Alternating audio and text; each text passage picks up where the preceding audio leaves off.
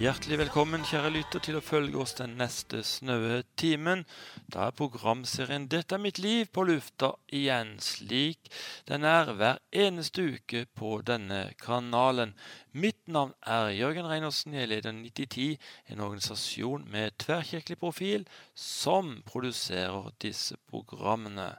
I dag er jeg på Vanse i Agder som for øvrig har tette bånd til Amerika. Og det er Odd Gunnar Kjølberg som er dagens gjest. Velkommen som gjest i dette mitt liv, Odd. Takk skal du ha.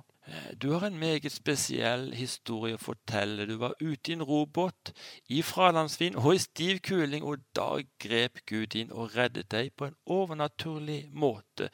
Dette skal vi få høre mer om etter hvert, men vi skal starte helt ifra begynnelsen av ditt liv, Odd. Eh, er det her på Lista du er født og oppvokst? Ja, jeg er født på Lista og bodd på Lista i alle år. Det, og her trives vi. Ja. ja. Du har meddelt meg at helt fra du var et barn, har du følt at ikke du er god nok. Du må fortelle. Ja, det har jeg følt helt ifra jeg var liten at uh, uansett hva jeg uh, gjorde, uh, så var jeg ikke god nok. Rakk meg som ikke opp. Den eneste gangen jeg var god nok, hvis en kan si det sånn, det var jeg gikk på søndagsskolen. Og far min var søndagsskolelærer. Og han hadde jo da dette stempelet hjemme hos seg. Så når årsregnskapet skulle gjøres opp, så hadde jeg gått 62 søndager på skolen i ett år. Eh, det ble jo oppdaget. Det er vel kanskje den eneste gang jeg ikke har vært god nok. men, men helles opp igjennom i, i, fra barndommen av og oppover ungdommen, ungdomstida, så har jeg alltid følt at eh, jeg ikke strekker til. Jeg er ikke god nok. Eh, vennene er mye bedre. Og det, det har slitt i, i, egentlig alle år, helt opp til, til, til dags dato. Hvor, tror, hvorfor fikk du slike tanker og følelser? Det hadde nok med barndommen og oppveksten å gjøre. Jeg eh, hadde ei mor som eh, jeg pleier å hun var en engel.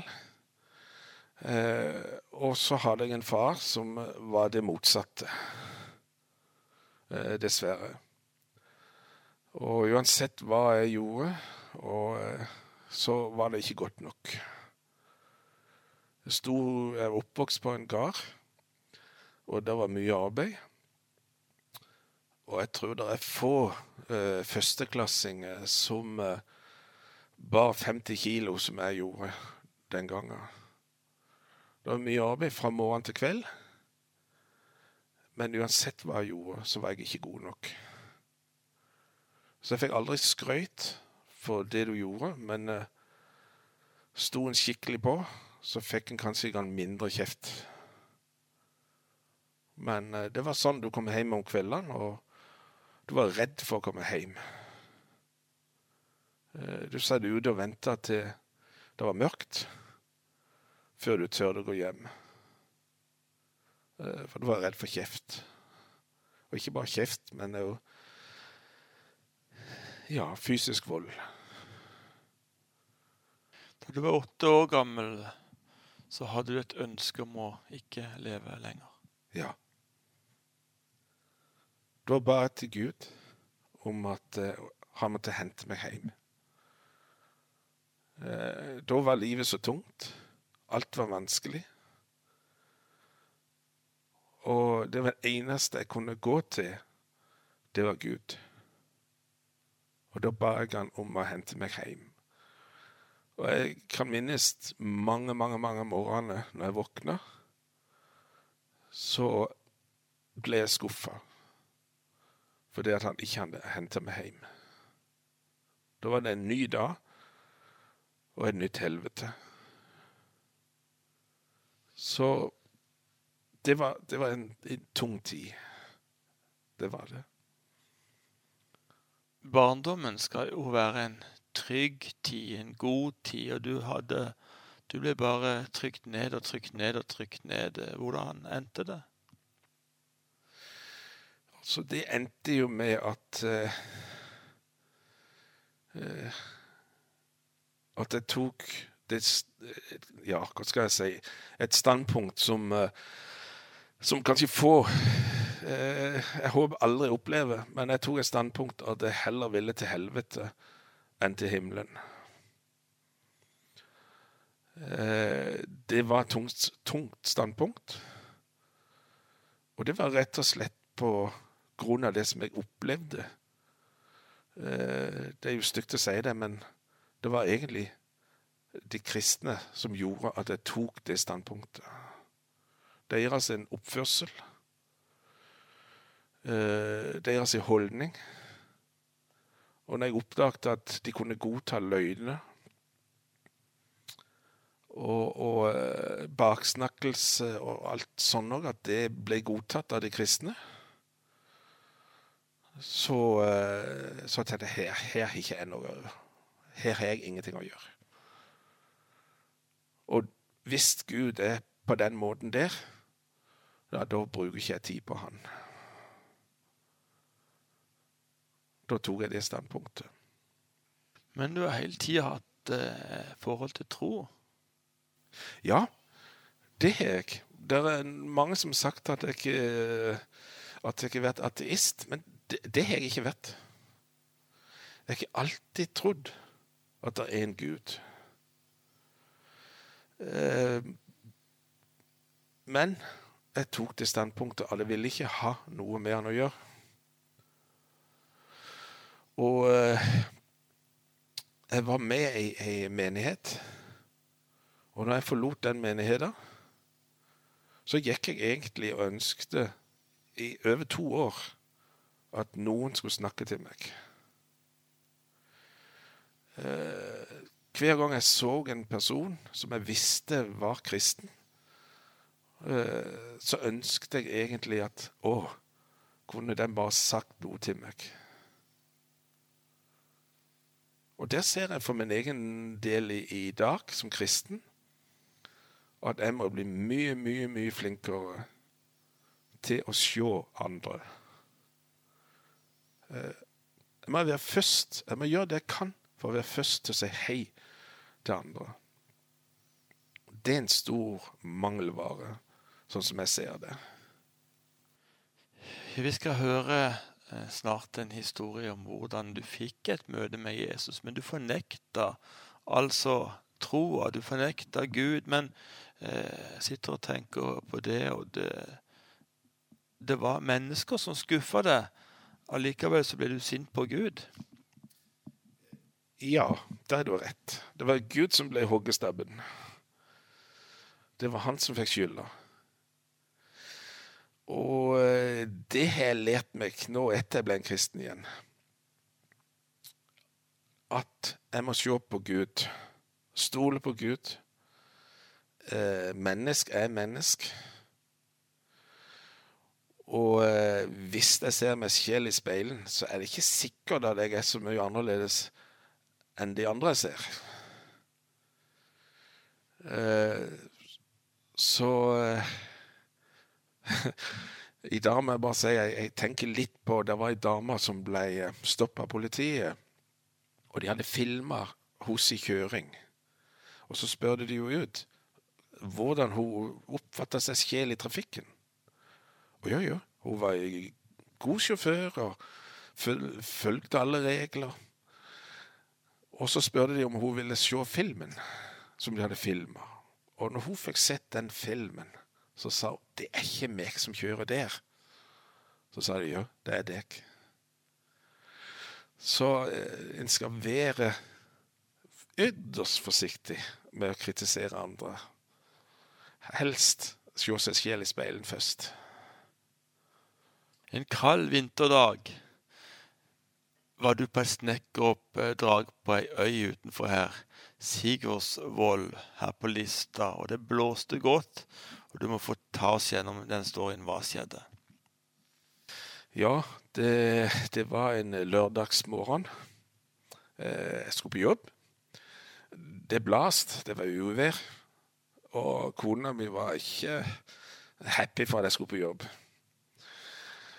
Men jeg er nokså stridig av meg. Jeg har ikke sagt det før jeg ble en kristen, så var jeg stridig imot Gud. Men nå er jeg stridig med Gud.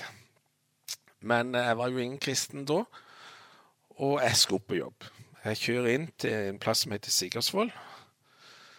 Og ute i havgapet der eh, Der er ikke så langt over, men eh, der er sterke strømninger. Eh, det er mange som har hatt problem i, i det sonene. Og jeg eh, kommer ned til stranda der. Sitter i bilen og ser over på den andre sida og tenker dette var ikke bra. Jeg har bare ei lita jolle på tolv fot eh, og to årer. Men eh, det er fralandsvind denne dagen. Og jeg tenkte hvis jeg ikke klarer å holde båten, så går jeg rett til havs.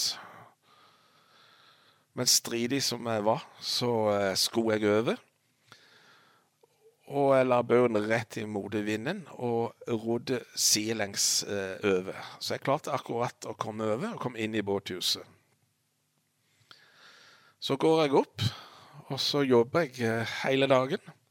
Jeg holdt å bygge om en gammel driftsbygning til, til ny hytte. Og utpå ettermiddagen så får jeg et par telefoner. Eh, og kommer til snakk om hvor jeg er. Så sier jeg ja da, jeg er oppe på stibakken og jobber.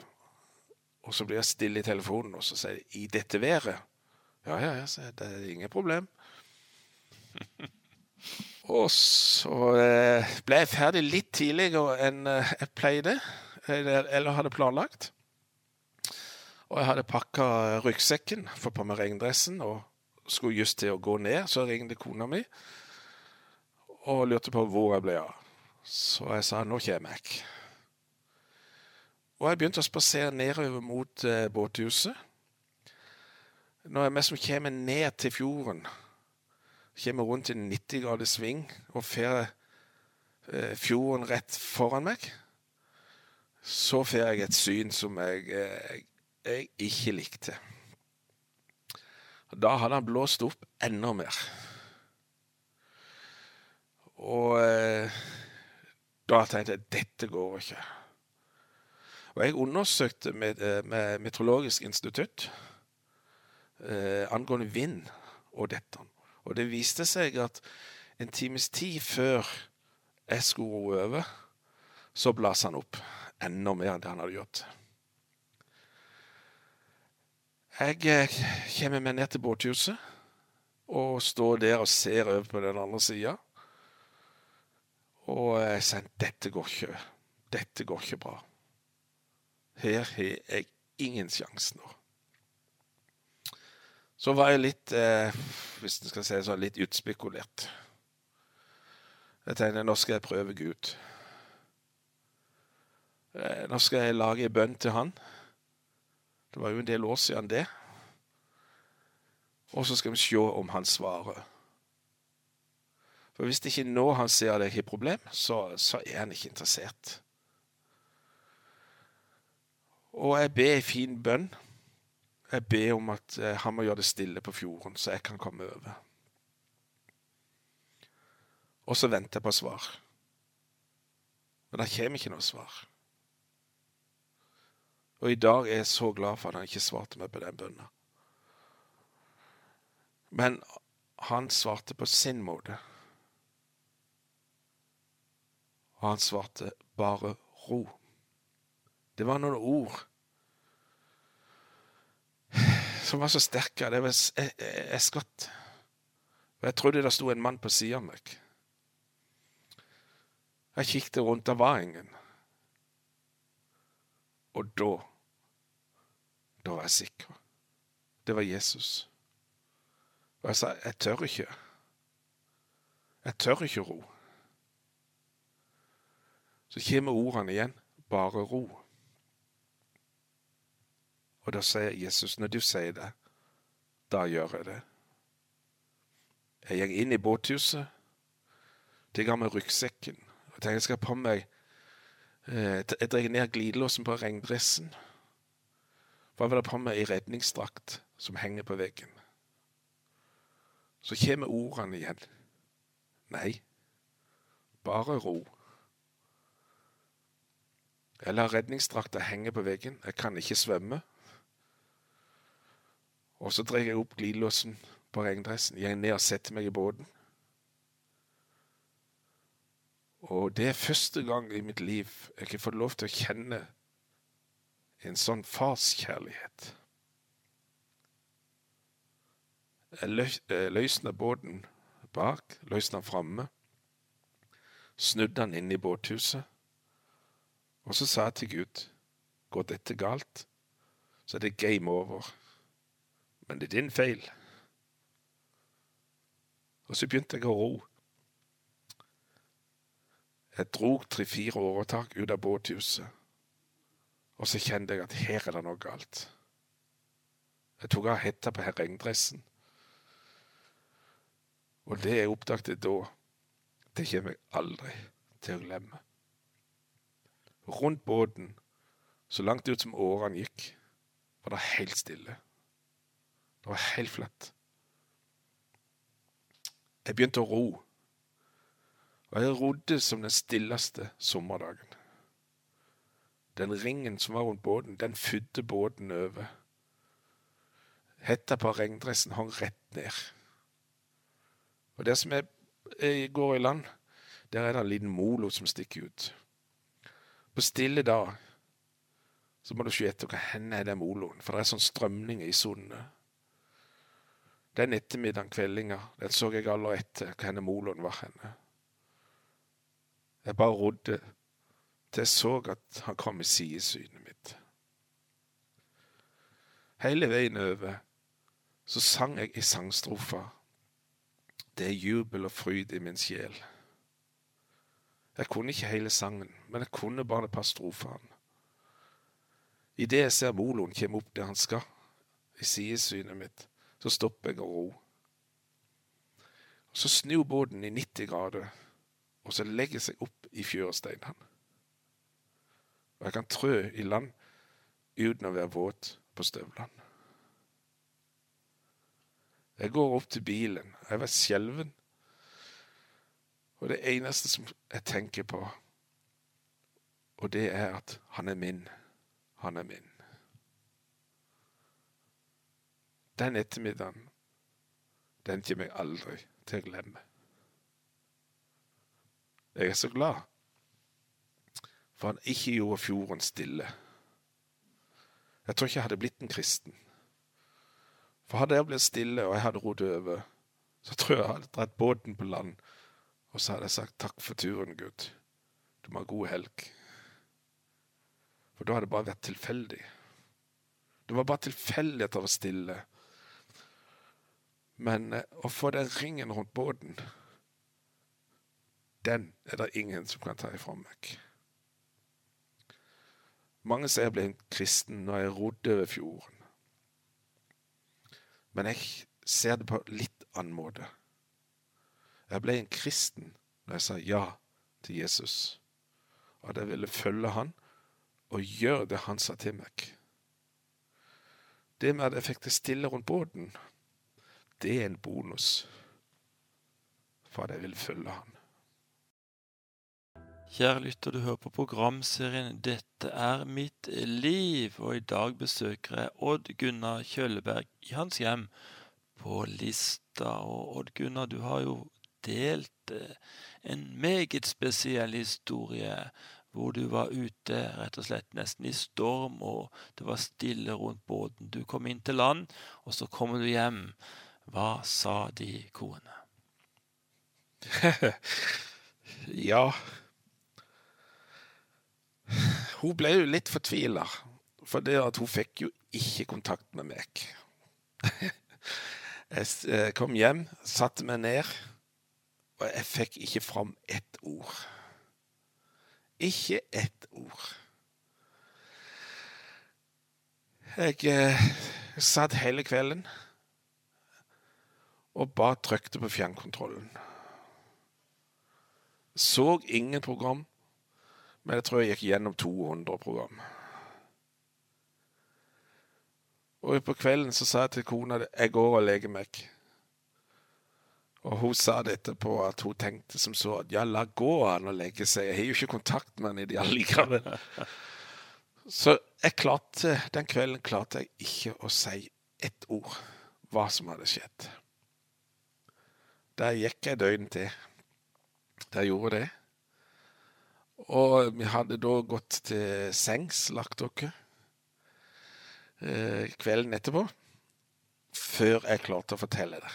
Og jeg sa, Jane, det er noe jeg må fortelle deg. Jeg er ikke blitt en kristen.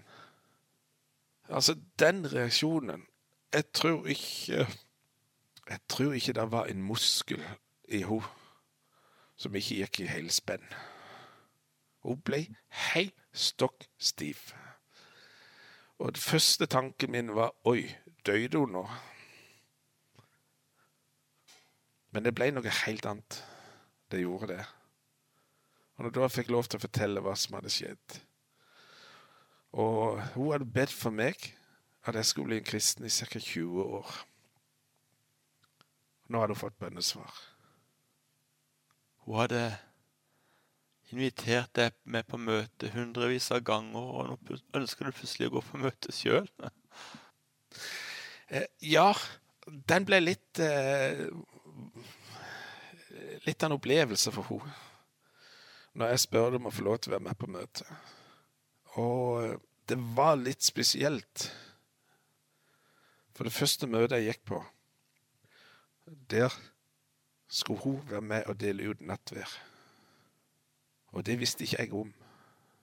Og når hun sto der framme og skulle dele ut, og jeg gikk fram, det var spesielt.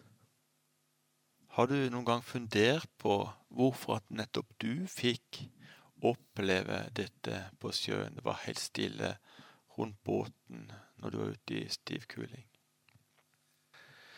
Du, jeg hadde tatt et standpunkt der jeg heller ville til helvete enn til himmelen.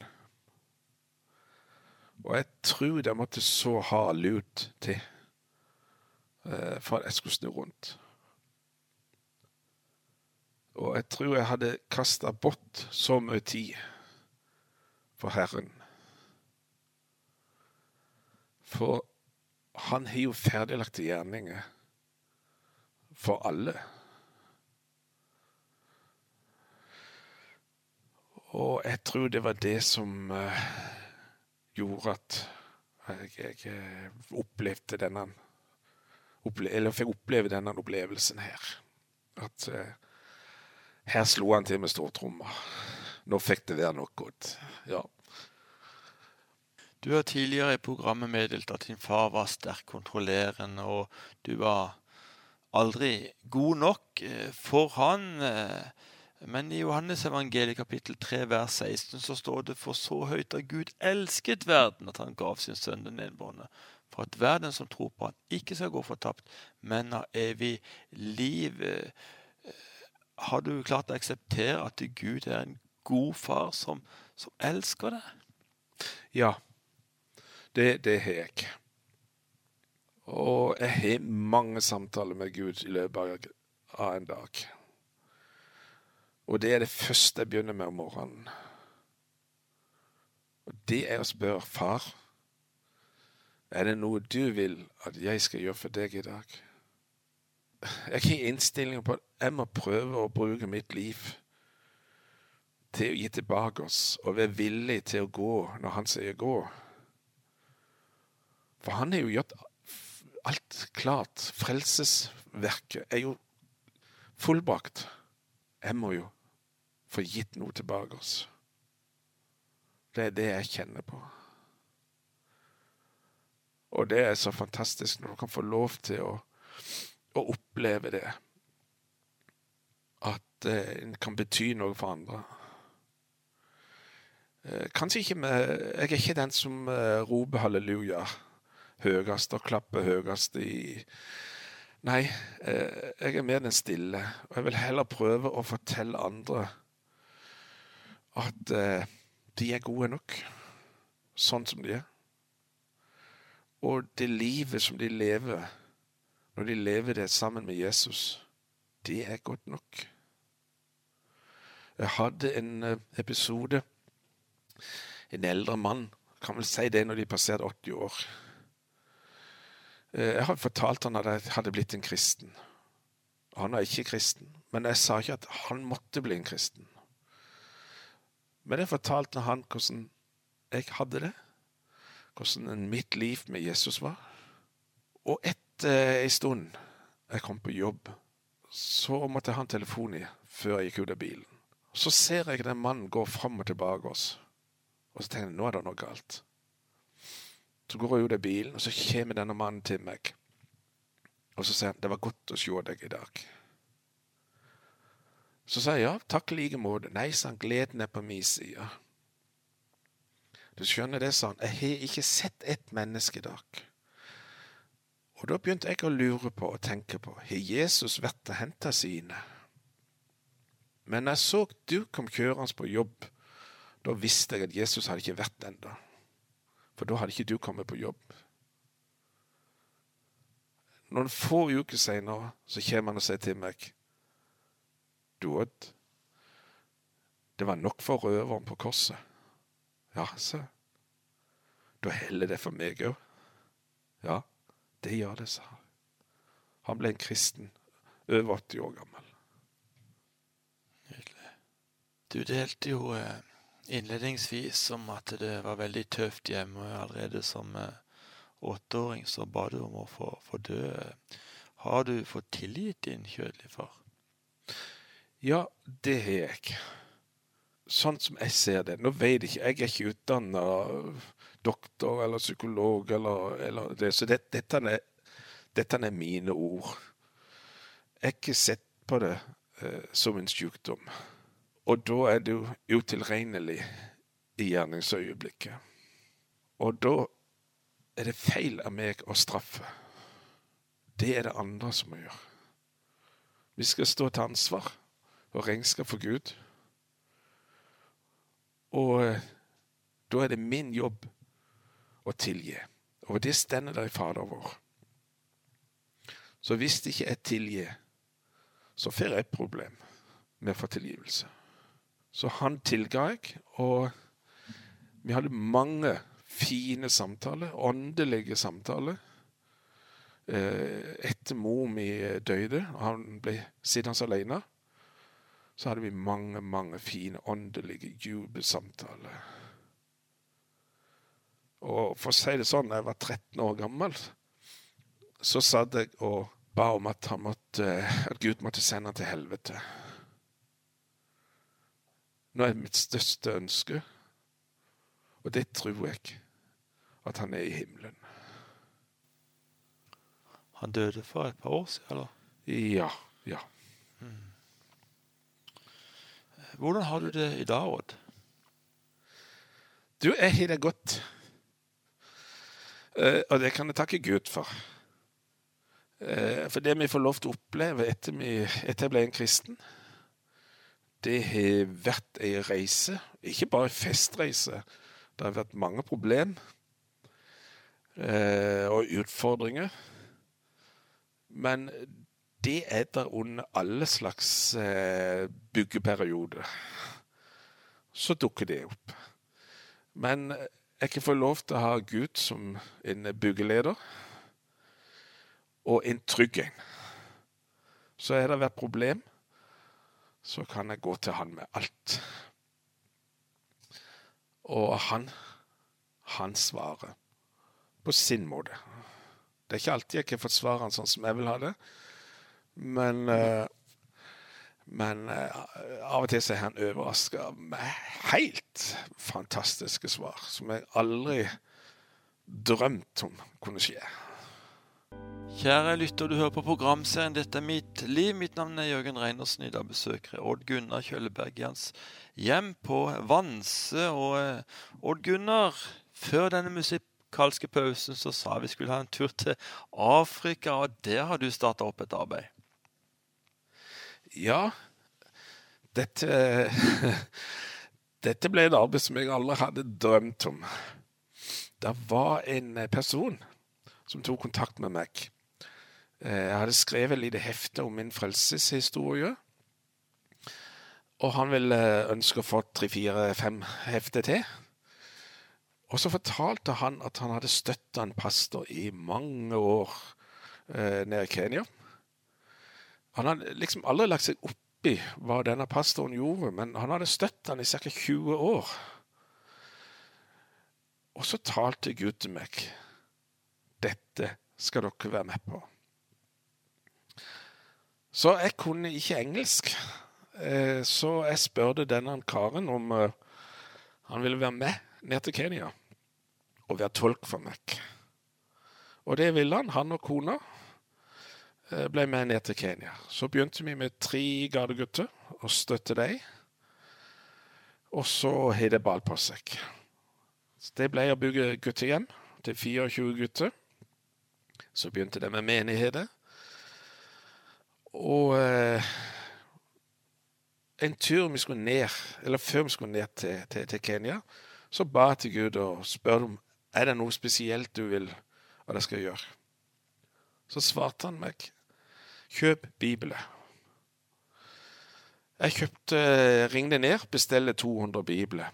Og når vi kommer ned til Kenya, sitter jeg på kontoret med 200 bibler på pulten og tenker hva i all verden skal jeg nå gjøre? Skal jeg bare dele de ut, eller er det noe annet? Så jeg gikk i bønn. Ba hele dagen. Langt utpå natta så fikk jeg svar av Gud. Start bibelgruppe. Fem av fem i hver gruppe. Så jeg begynte i menigheter der nede å starte opp bibelgruppe. Fem av fem. Og der ble en vekkelse som var helt fantastisk.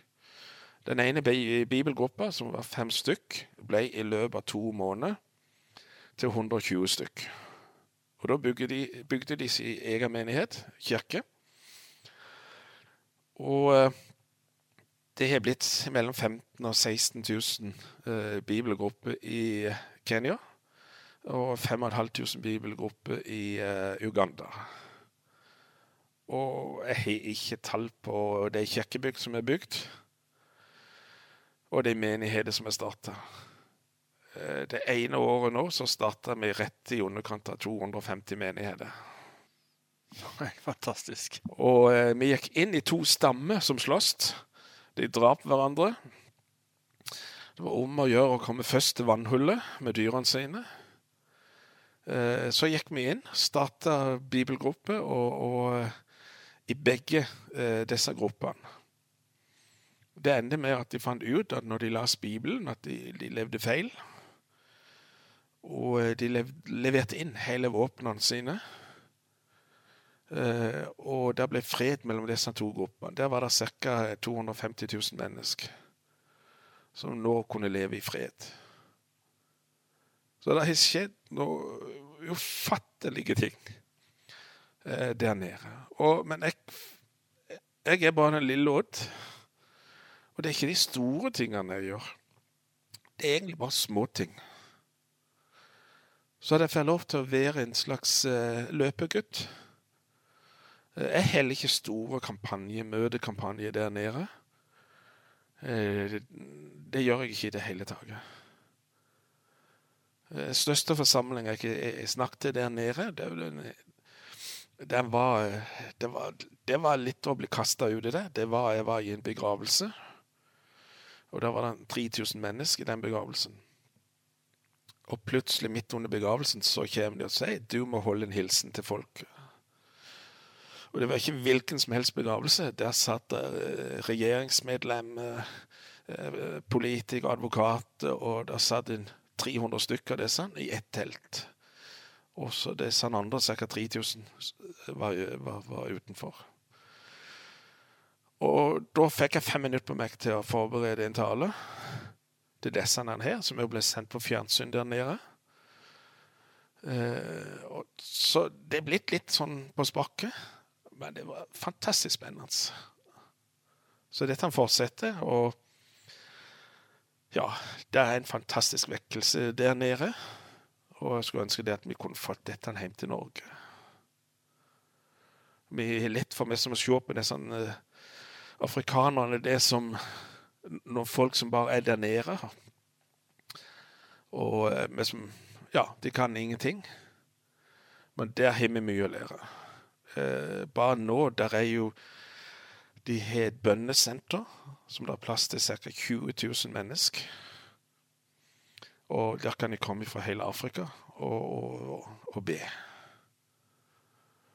Så jeg kan få lov til å være med på mye av dette her. Og eh, ja, sjå, mange, mange, mange blir frelst. Helbredelse, det er, det er daglig. Når jeg spør om å få tilbakemelding hvis, hvis det skjedde helbredelse, så lo de om meg.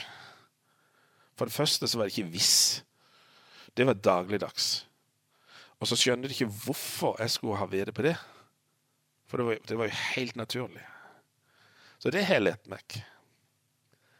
Så jeg har ikke lært mye. Har ikke utrolig mye afrikaneren.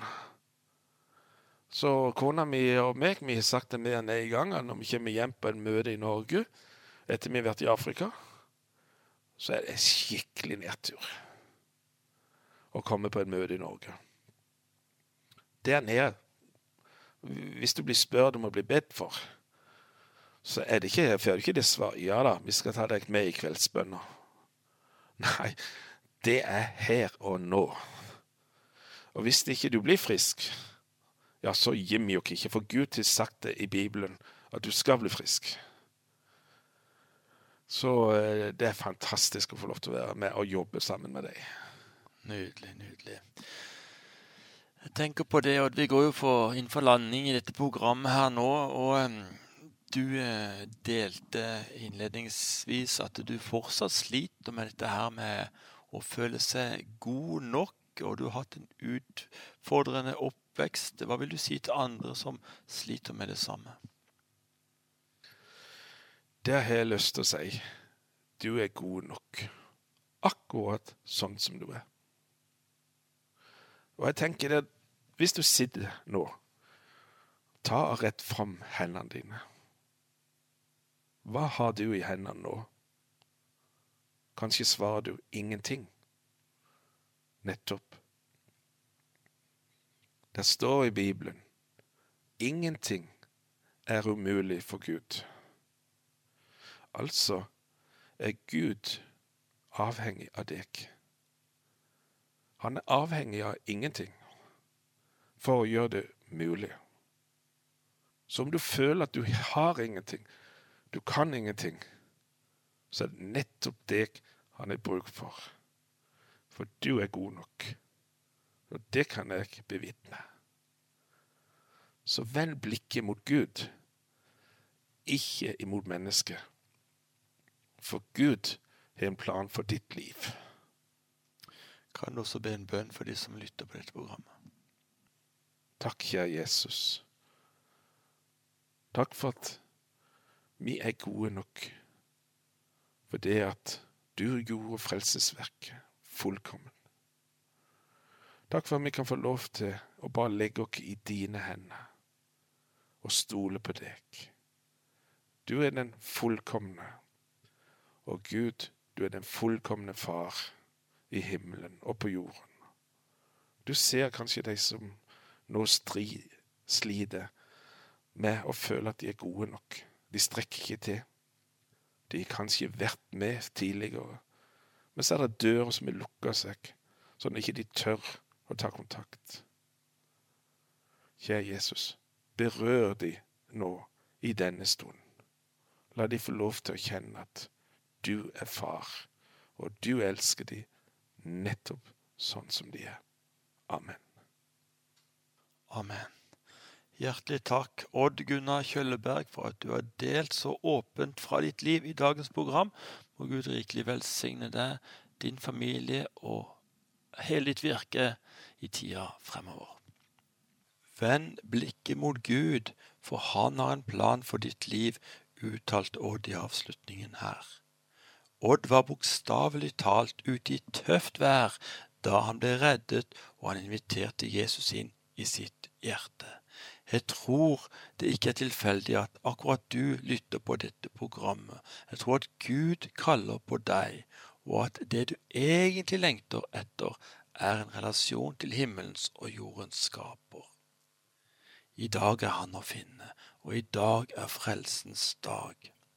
Så la meg spørre deg så frimodig jeg kan, vil du ta imot Jesus som din Herre og Frelser i livet? Ja, da kan du be denne bønnen etter meg. Jesus, jeg kommer til deg nå slik som jeg er. Tilgi meg for mine synder.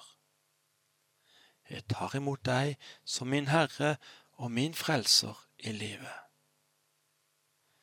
Takk at jeg nå kan kalle seg Guds barn, fordi ditt ord sier det. Vi vil svært gjerne komme i kontakt med deg som ba denne bønnen, slik at vi får mulighet til å sende deg en gratis bibel. Vi setter deg gjerne også i kontakt med en menighet på ditt hjemsted. Du finner meg, Jørgen Reinersen, på Facebook, eller du kan gå inn på vår hjemmeside 9010.no for å finne kontaktinformasjon. Dette staves slik nitti10.no. Her finnes også en rekke videoopptak fra våre arrangementer som du kan kose deg med. Og så en god nyhet til dere alle. Etter at programmene er sendt på radio, legges de ut både på Spotify og Podbean og en rekke andre podkasttjenester. Det er bare å søke opp 'Dette er mitt liv'. La meg til slutt lese Salme 23 fra Hverdagsbibelen for deg. Herren er min hyrde, jeg mangler ingenting. Han lar meg ligge på grønne enger. Han leder meg til vann der jeg kan hvile. Han fornyer mitt sinn og han leder meg på rette stier fordi han er god. Ja, selv gjennom livets største prøvelser så trenger jeg ikke være redd, for jeg vet at du er med meg, du veileder, trøster og beskytter meg. Du gir meg det jeg trenger, ja, selv rett foran mine fiender. Hos deg mangler jeg ingenting. Du velsigner meg med mer enn det jeg kan ta imot. Din nåde og godhet jager etter meg alle dager av mitt liv, og jeg vil tjene deg, Herre, både nå og til evig tid. Skal vi be en bønn sammen? Kjære Far, vi kommer til deg i Jesu navn. Vi takker deg for at du hører oss når vi ber. Vi takker deg alt du har velsignet oss med. Og tusen takk for at ditt ord står fast til evig tid. Takk at du ser de av lytterne som nå opplever livet som tøft og vanskelig. Takk at du ser dem som er syke fysisk eller psykisk. Takk at du helbreder syke og kommer med lys, håp og velsignelse til dem som sliter. Takk at du er en omsorgsfull far som ser. Hjelp oss, Herre, til å se mennesker slik du ser dem, slik at vi kan få inderlig medlidenhet med dem og rekke ut våre hender til dem. Vi takker og priser deg, vår himmelske Far, i Jesu Kristi navn. Amen. Hver uke er vi på denne kanalen med nye, unike livshistorier. Inviter veldig gjerne noen til å lytte sammen med deg ved neste anledning. Vi tror det kan bli mange gode og viktige samtaler i etterkant av disse programmene. Husk, kjære lytter, du er høyt elsket av Gud. Du er unik. Det finnes bare én som deg. Vi takker for i dag og ønsker deg det aller, aller beste. Guds velsignelse.